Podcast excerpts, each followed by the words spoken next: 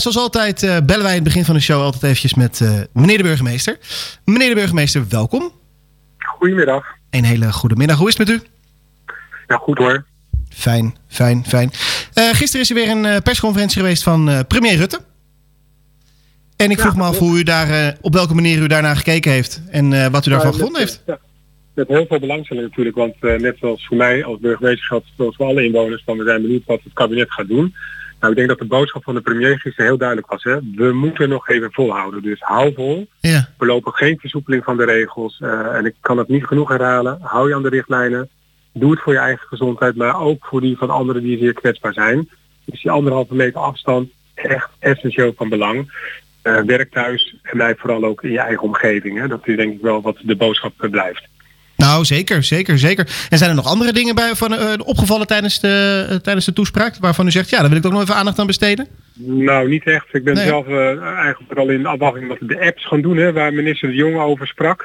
Ja. Nou, ik moet eerst even bekijken wat dat allemaal met zich meebrengt en of dat ook echt van meerwaarde kan zijn. Laten we dat even afwachten met elkaar. Maar ook dan zal blijken, als het nodig mocht zijn om die groepsimmuniteit op te bouwen met elkaar, dan, nou, dan zou ik bijna zeggen, laten we dat dan vooral doen. Maar eerst maar eens even horen hoe het zit met onze privacygegevens, want dat is natuurlijk ook eh, van groot belang.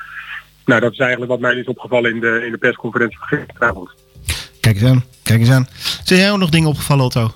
Nou, het was eh, vooral volgens mij een, een, een beetje een tussenweekje. Hè. Het is, eh, ik heb gisteren ook gekeken. En er kwam eigenlijk niet heel veel nieuws uit. Eh, volgende week gaan we natuurlijk eh, kijken of, of er al wat versoepeld kan worden, Ja. werd er gezegd.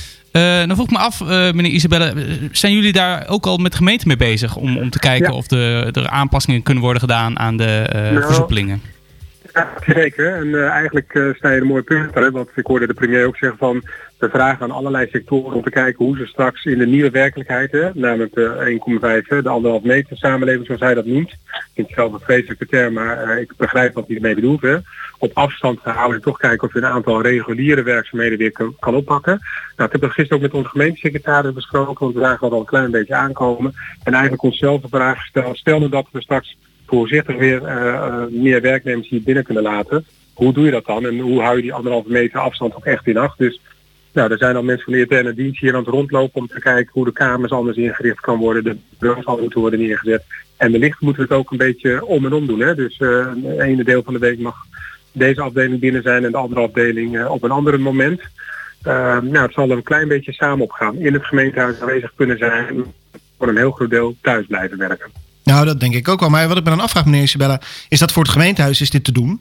Eh, anderhalve meter afstand. Maar hoe gaan we dan om met beroepen zoals een kapper, zoals een fysiotherapeut? Ja, nee, dat vind ik zelf ook een hele spannende. En ik begrijp dat we de premier de oproep doet om vooral bij de sector zelf te laten vragen en naar creativiteit te zoeken. Ik vind het zelf ook een hele lastige en ook heel moeilijk. En nou, ik denk dat het ook te maken zal hebben met hoe de ontwikkelingen van het coronavirus zich eh, in het algemeen gaan verhouden. Als daar eh, positieve ontwikkelingen te melden zijn, dan kun je ook wat meer de teugels laten vieren. Maar nogmaals, ik denk dat we er echt nog niet zijn. Eh, dus dat is spannend, ook voor dit soort sectoren als kappers, horeca, eh, bedrijven, ga zo maar door. Nee, precies, precies.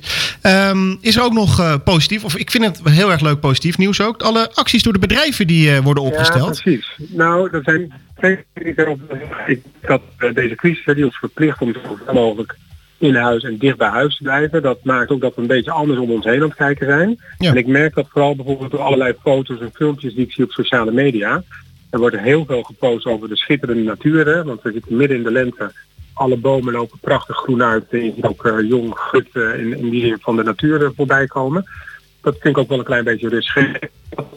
En het tweede wat opvallend is de creativiteit die onze ondernemers laten zien.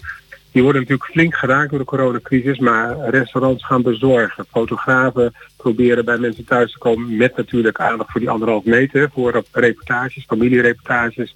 Je ziet allerlei leuke initiatieven voor het uitdelen van bloemen voor ouderen, kaarten voor zorgmedewerkers, chocolade-eitjes voor hulpverleners van de brandweer. Dus eh, kortom, hartverwarmend. En ik zou bijna willen zeggen, inwoners van Houten, blijft u dat ook vooral doen. Steun elkaar daar vooral in. Nou, dat vind ik zeker waar. Dat vind ik zeker waar.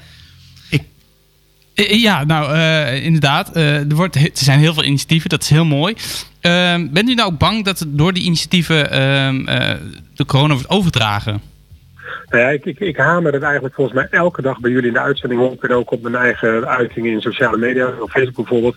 Houd de regels in, af, eh, in acht en neem ze in acht. Dus houd afstand, Blijf thuiswerken. Maak een ommetje direct in, in je eigen buurt, maar ga niet op pad. Hè? Want uh, nogmaals, het is duidelijk mm. dat het virus heel erg nadrukkelijk wordt overgedragen zodra je met elkaar ja. in contact komt of er dichtbij komt. Ik denk dat dat echt heel erg essentieel is dat we die afstand van anderhalf meter echt in ons oren knopen. Dat zal ook de nieuwe toekomst worden. En tot die tijd, totdat we van het kabinet hebben gehoord op basis van adviezen van het RIVM dat het anders kan, blijven we die afstand in, in acht houden en houden we de regels gewoon echt in stand. Dus blijf vooral thuis, werk thuis en ga alleen naar buiten als het echt nodig is.